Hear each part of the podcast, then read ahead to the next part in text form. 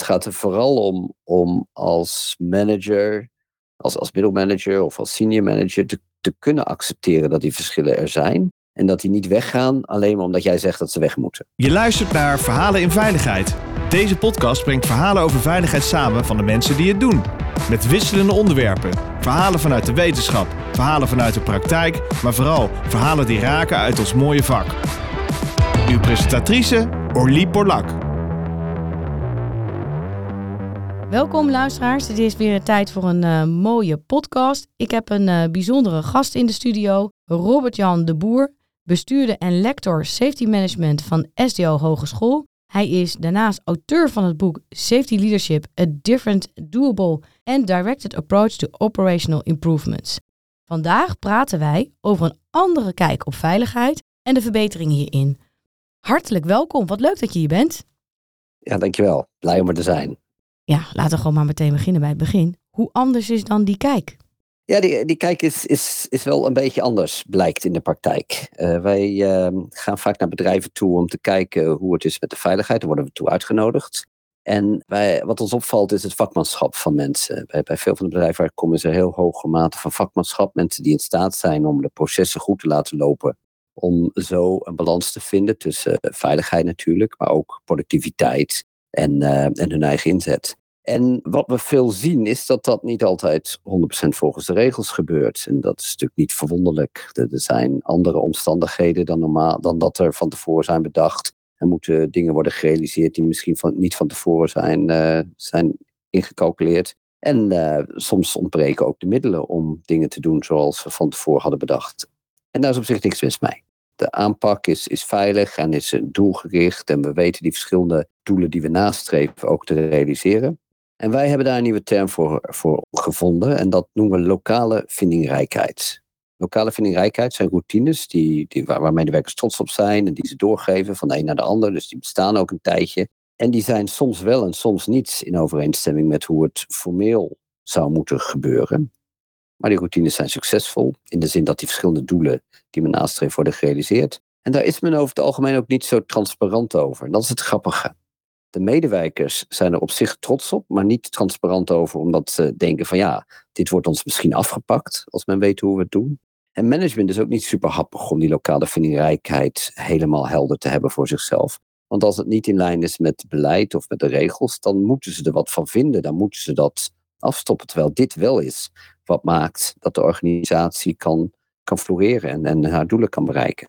We hebben bijvoorbeeld bij Defensie gekeken um, naar lokale vindingrijkheid bij een bepaald squadron. En daar hebben we dertig of zo voorbeelden van gevonden. Van, van hele slimme dingen die men doet, die, die, die ook dagelijks gebeuren, of in ieder geval regelmatig. En die niet super transparant zijn. Daar wil men dan ja, niet, niet al te, te duidelijk over zijn. Precies om die twee redenen die ik net noemde. Soms conflicteert het met regels. In ieder geval zijn ze bang dat het niet meer langer mag. Maar dat moet wel. We moeten wel die transparantheid, die, die helderheid daarover hebben. Want die lokale vindingrijkheid kan nieuwe risico's introduceren waar men misschien niet helemaal helder over nagedacht heeft of de expertise nodig heeft van anderen om daar eens naar te kijken. En als we die willen continueren, als, als die risico's meevallen, als het gewoon een, een goed idee is, dan willen we natuurlijk van leren en de organisatie verder helpen en misschien ook op andere plekken inzetten. En die beide dingen, die risicotoetsing en die, um, en die uh, verspreiding, die gebeuren natuurlijk niet als dit soort dingen onder de oppervlakte blijven. Ik vind het eigenlijk wel een bijzondere woordkeuze. Het gaat meteen van het positieve uit, lokale vindingrijkheid. Ik kan me ook branches uh, herinneren waar ik zelf voor werk, die gewoon zeggen, ja, maar dit is afwijking van protocol. En dit is ook gewoon eigenlijk een dikke overtreding. Ik kan me heel goed voorstellen dat deze lokale vindingrijkheid op heel veel weerstand stuit. Dat managers of bestuurders denken, hartstikke leuk dat je dit vindt, maar wij vinden dat eigenlijk niet vindingrijk. Wij vinden dat een, uh, een afwijking. Ja, dat is de, de woordkeuze die je wel uh, tegenkomt. Vooral nadat er een incident is geweest. Hè, dan, dan met de wijsheid van achteraf zijn we allemaal in staat om precies de vinger op de zere plek te leggen. En we zien dus ook nog steeds veel incidentverslagen, onderzoekrapporten, waarin uh, een, een, bepaalde afwijking, zoals jij het noemt, dan wordt geconstateerd. Maar niet de vraag wordt gesteld van wie doet dit allemaal nog meer? Hoe lang doen we dit al? welke hulpmiddelen eh, maken dat dit een hele slimme manier van werken was. Althans, van tevoren gedacht met, met niet de wijsheid van achteraf. En dat zijn wel de vragen die je zou moeten stellen. Ja. En waar ligt dat nou aan? Dat iemand het als een afwijking ziet of als een vindingrijkheid ziet. Ja, dat is, dat is misschien uh, de taak waarmee je bent opgezadeld. Uh, veiligheidskundigen hebben natuurlijk de neiging om te toetsen aan normen en regels en procedures. De medewerkers zelf hebben veel meer, uh, leggen veel meer de nadruk op het realiseren van meerdere tegengestelde doelen. Hè, het door laten gaan van productie bijvoorbeeld. En, en die twee werelden, die, die komen niet tot elkaar. Dat uh, voor een deel is het natuurlijk goed dat veiligheidskundigen onpartijdig zijn, onafhankelijk zijn en, en toetsen aan het normenstelsel dat we hebben. Maar wat, wat zo jammer is, is dat het een incident vereist voordat die kloof zichtbaar wordt en, er, en, eh, en overbrugd wordt. En waar wij dus voor pleiten, is dat de betrokkenen, inclusief de management, dat die al in het veld alert zijn op dit soort lokale vindingrijkheid. En proberen heel goed te begrijpen allereerst waar dat vandaan komt. En, en waarom het zo nuttig is en waarom het zo ingenieus is. Maar ook waarom is dat lokaal? Waarom blijft dat verborgen? Om vervolgens daar keuzes in te maken en de mensen voer te helpen om, die, om, om in te zien dat het een heel goed idee is en dat we het moeten blijven doen. En daar dan de middelen voor maken en het ook inbedden in het veiligheidssysteem dat we hebben. Of als er risico's worden geïntroduceerd die we niet willen accepteren, wat dan de alternatieven zijn. En hoe we dat dan kunnen zorgen dat uh, die risico's worden gemitigeerd, worden geadresseerd. Terwijl we wel dat doel wat wordt gerealiseerd met die lokale vindingrijkheid respecteren. En daar zit natuurlijk ook wel een groot, uh, groot issue. Die veiligheidskundigen en ook het management, vooral na een incident, zet vooral in op dat doel van veiligheid. Maar in de dagelijkse operatie is dat maar één van de doelen die we nastreven. Natuurlijk is dat maar één van de doelen die we nastreven. We hebben ook productiviteit, we hebben ook de output die we iedere dag moeten realiseren. Daar zijn we ook trots op. En, en, terecht. Bedoel, dat maakt natuurlijk dat de kachel brandt en dat het bedrijf continuïteit heeft. Dus we moeten die doelen ook respecteren. En veiligheid is maar één van de dingen die we, die we kunnen nastreven. En dat lijkt zo een taboe, hè? Als je dit tegen een veiligheidskundige zegt. Ja, ik, eh, ik hoor ze wel eens hoor, die gaan echt stijgen. Die zeggen ja, dit is onacceptabel en safety first. En uh, er kunnen geen andere belangen boven de veiligheid gaan. Zie je dat als een belemmering om te kijken naar afwijkingen, eigenlijk vinden in rijkheid. Want dat het een taboe is dat er zoiets bestaat als tegenstrijdige belangen? Ja, ik, ik denk dat, uh, dat uh, veiligheidskundigen zich daarmee een beetje buiten de, de organisatie plaatst. Als een soort, ja, haast als een externe toezichthouder. Terwijl dat hopelijk niet de rol is die ze, die ze eigenlijk willen. Maar dat, is, ja, dat zal ook uh, per persoon afhankelijk zijn. Als je maximale impact wil hebben als veiligheidskundige, dan zal je toch ook de, de perceptie van het management, de, de beleving van het management moeten respecteren en daarop aanhaken. Dat, dat, dat, je kan niet de, de zuivere onschuld spelen en uh, het geweten proberen te zijn, of het luis in de pels proberen te zijn van de organisatie, en dan denken dat je ook heel veel invloed kan hebben. Als je alleen maar hard wil schreeuwen, ja, dan, dan, dan lijkt dat misschien een, een positie die je kan voorloven. Maar dat is niet de manier waarop we bedrijven verder helpen. En wat betekent dat dan voor die bestuurders? Ik kan me ook voorstellen dat zeker als je al kijkt naar hoe toezichthouders als een arbeidsinspectie zich momenteel gedragen. Hè, uh, je hebt bij opdrachtgevers de vergewisplicht. Je hebt het moment dat je niet houdt aan de Arbowet, ja, dan uh, kom je voor het bankje. Hoe groot is dat taboe van die, van die conflicterende belangen in, in zo'n bestuurskamer of in zo'n zo'n management? Nou, de, makkelijke positie is natuurlijk om te zeggen van daar hebben we de veiligheidskundigen voor. Um, en je daarachter te verschuilen. En dan na een incident je natuurlijk te beroepen op het feit dat de procedures helder waren. En dat mensen zich daar niet aan hielden. En, um, en dat het dus, dus hun probleem is dat zij het hebben gedaan. De bad apple gedachte. Ik denk te zien, en ik, ik hoop het misschien meer dan dat ik het al zichtbaar zie, is dat dat, dat niet meer werkt in de moderne maatschappij. Dat uh, bedrijven niet alleen verantwoordelijk zijn voor wat er op papier staat, maar ook hoe het in de praktijk wordt uitgevoerd. En als je je dan van de domme houdt, als je niet ziet gebeuren, wat, wat eigenlijk wel redelijk zichtbaar is, dan ben je natuurlijk ook, uh, dat, dat, dan gaan mensen je daar ook op aanspreken. Gaat de toezichthouder je daar terecht op aanspreken. Tegelijkertijd zien we ook bij de toezichthouder een, een, een modernisering, gelukkig, waarbij ze heel goed begrijpen dat regels alleen niet voldoende zijn. En dat uh, iets als local, uh, lokale vindingrijkheid bestaat. En dat dat, en als je daar als bedrijf proactief mee omgaat, dat je dan dat kan uitleggen aan de toezichthouder. En zo, zo heb ik dat zelf ook gedaan toen ik in, uh, in de industrie werkte en bij engineering werkte. Als je zelf um, goed kan vertrouwen op je processen en uitzonderingen kan uitleggen en, en begrijpt dat die met volle verstand en met goed nadenken zijn gemaakt, en dat wellicht ook documenteert als je dat nodig vindt, dan ben je in staat om, dat om daarmee de toezichthouder te overtuigen. En de toezichthouder heeft, letterlijk hebben ze tegen ons gezegd, dat was een buitenlandse toezichthouder, toen we de procedures die uh, een bedrijf had veel simpeler en overzichtelijker maakten en veel meer in overeenstemming maakten met wat werkelijk werkte voor de mensen op de vloer, toen, toen zeiden ze letterlijk tegen, tegen dat bedrijf van, hè, hè, dit is wat we eigenlijk al wilden dat je al die tijd hebt gedaan, zou hebben gedaan. Dus de, dus de toezichthouder is daar heel reëel in. Ik herken uh, wat in, in dat anders kijken en dat wil ik even bij je toetsen. Is dat anders kijken naar veiligheid eigenlijk meer nadenken over balans? Balans in wie je bent als organisatie en misschien ook balans in de belangrijkheid van rank en expertise? Want ik zie hem eigenlijk op twee vlakken uh, ontstaan. Dus één is die balans van die, die organisatiebelangen. En de andere kant is er een balans misschien in, in tussen de beleidsmaker en, en de uitvoerende afdeling. Ja, de, de, de Nederlandse vertaling van het boek uh, van de subtitel is, ook anders aansturen en aanpakken. En legt dus een grote verantwoordelijkheid bij, bij management om verantwoordelijkheid te nemen voor die balans, zoals je zegt. Ja. En, en niet met slogans of posters um, veiligheid te proberen te propageren, maar werkelijk te begrijpen waar het om gaat. Ook niet steeds te zeggen, het ligt aan het gedrag van de mensen, maar te zien welke dingen in het systeem maken dat mensen hun gedrag vanzelfsprekend aanpassen. En dat het heel logisch is. Ik ben nu bezig bij een, uh, bij een bedrijf waarbij initieel probleem was dat op het laagste niveau er, er heel veel discussie was over um, hele simpele dingen als PBM's, uh, niet houden aan hele simpele uitgangspunten. Maar via een serie interviews is veel helderder uh, gekomen voor mij, en dat kan ik ze ook heel, heel prima uitleggen, de opdrachtgever, dat er factoren zijn in, het, in de organisatie, zoals ze dingen hebben georganiseerd, die maakt dat mensen over dat soort dingen gaan ruzien. En dat er tussen verschillende veiligheidskundigen van, van twee verschillende afdelingen en, en, en afwijken, een, een conflicterend beeld is over hoe ze veiligheid het best kunnen adresseren. Maar de organisatie heeft het gemaakt dat die mensen tegenover elkaar komen te staan. In plaats van dat ze met elkaar de problemen oplossen. En het is, het is jammer dat het zover is gekomen, maar mooi dat, dat ik de kans krijg om, om ze daar uh, om ze een spiegel voor te houden. Waarmee ze hopelijk dan hun voordeel kunnen doen.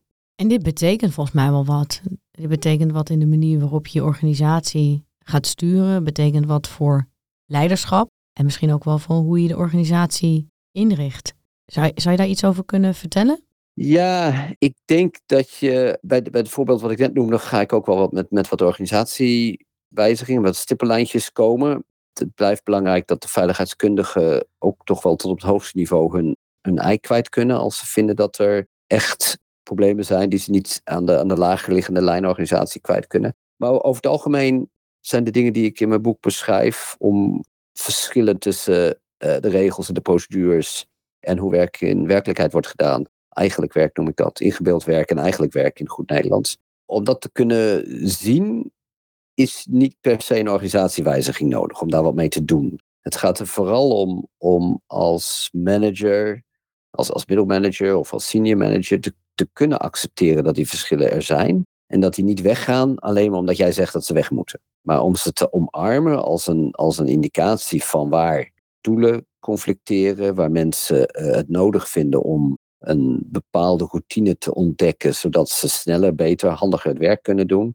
En de consequenties daarvan met ze te bespreken en, en daar consequenties aan te, aan te verbinden uiteindelijk. Laten we dit bestaan of vinden we met z'n allen dat dit eigenlijk niet, niet acceptabel is en moeten we dus op een andere manier die doelconflicten kunnen adresseren. En het heeft dus ook heel veel te, te maken met het mogen discussiëren, het, het, organiseren van die discussies daaroverheen, over risico's, over wanneer gaan we door, wanneer zeggen we stop, wanneer vinden we dat we uitstel moeten vragen voor een bepaalde klus of we extra middelen nodig hebben. En niet alsmaar doorgaan als een, als een bezetene en, en daarmee dus die routines introduceren. Ik was bij een ander bedrijf en die waren heel trots dat ze ten opzichte van het gecalculeerde rendement 116% realiseerden. Dus dat ze 16% meer output hadden dan dat ze normaal gesproken zouden kunnen hebben. Dus ik kijk die baas aan en, en, en ik zeg van ja, hoe denk je dat ze dat doen? En toen was hij even stil. Hij zei, hoezo? Ik zei, ja,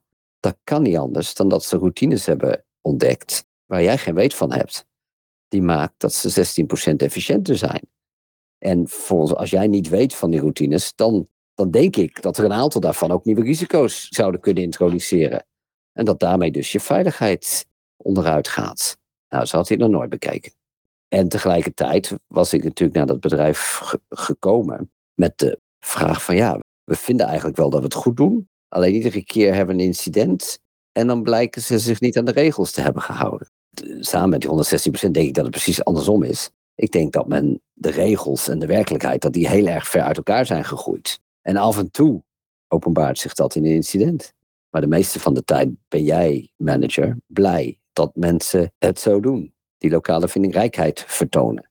Nou, daar moest hij toch wel even achter zijn oor krabben. Nou, ik herken uh, een deels wat je zegt, maar ik herken ook een, een keerzijde. Dus ik heb bijvoorbeeld klanten waar ik op bezoek kom en die moeten dan uh, maatregelen toepassen. En die maatregelen, daarvan vinden ze eigenlijk allemaal dat ze niet helemaal de schoonheidsprijs uh, verdienen.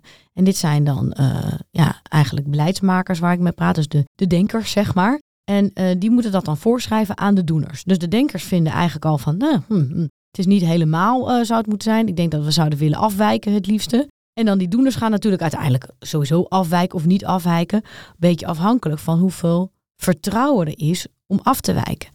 Een van de dingen die ik dus merk is dat die vindingrijkheid heel erg afhangt van het vertrouwen wat of managers krijgen van de organisatie van joh, je mag afwijken van protocol, pas het maar aan voordat het wordt uitgevoerd. En ook het vertrouwen wat de vloer krijgt om zijn eigen vakmanschap te laten zien. Want in de situatie waarin er geen vertrouwen is, dan durft de leidinggevende top eigenlijk niet eens iets anders voor te schrijven. Dus daar begint eigenlijk al, zeg maar, de aanname. Hè? Dus daar begint eigenlijk al uh, de, de, de illusie, om het maar even zo te zeggen. En in het geval van die uitvoerder, die in sommige gevallen zo bang is voor zijn contract of voor zijn baan, die gaat in sommige gevallen ook letterlijk eigenlijk de verkeerde protocol, verkeerde regel uitvoeren, omdat ze niet durven hun eigen vindingrijkheid te tonen of uh, ja, uitvoeren.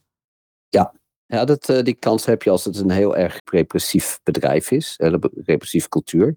Dan, krap je wel twee keer achter de oren dat je afwijkt van de procedure, zoals daar een soort lik op stuk beleid is. Zero tolerance wordt het ook wel eens genoemd. En daarmee uh, banden natuurlijk alle creativiteit uit. Um, dan heb je wel mensen die zich aan de regels houden. Dan moet je maar hopen dat die regels ook inderdaad veilig zijn. Ik ken ook voorbeelden waar mensen zich aan de letterlijke tekst van de regels houden.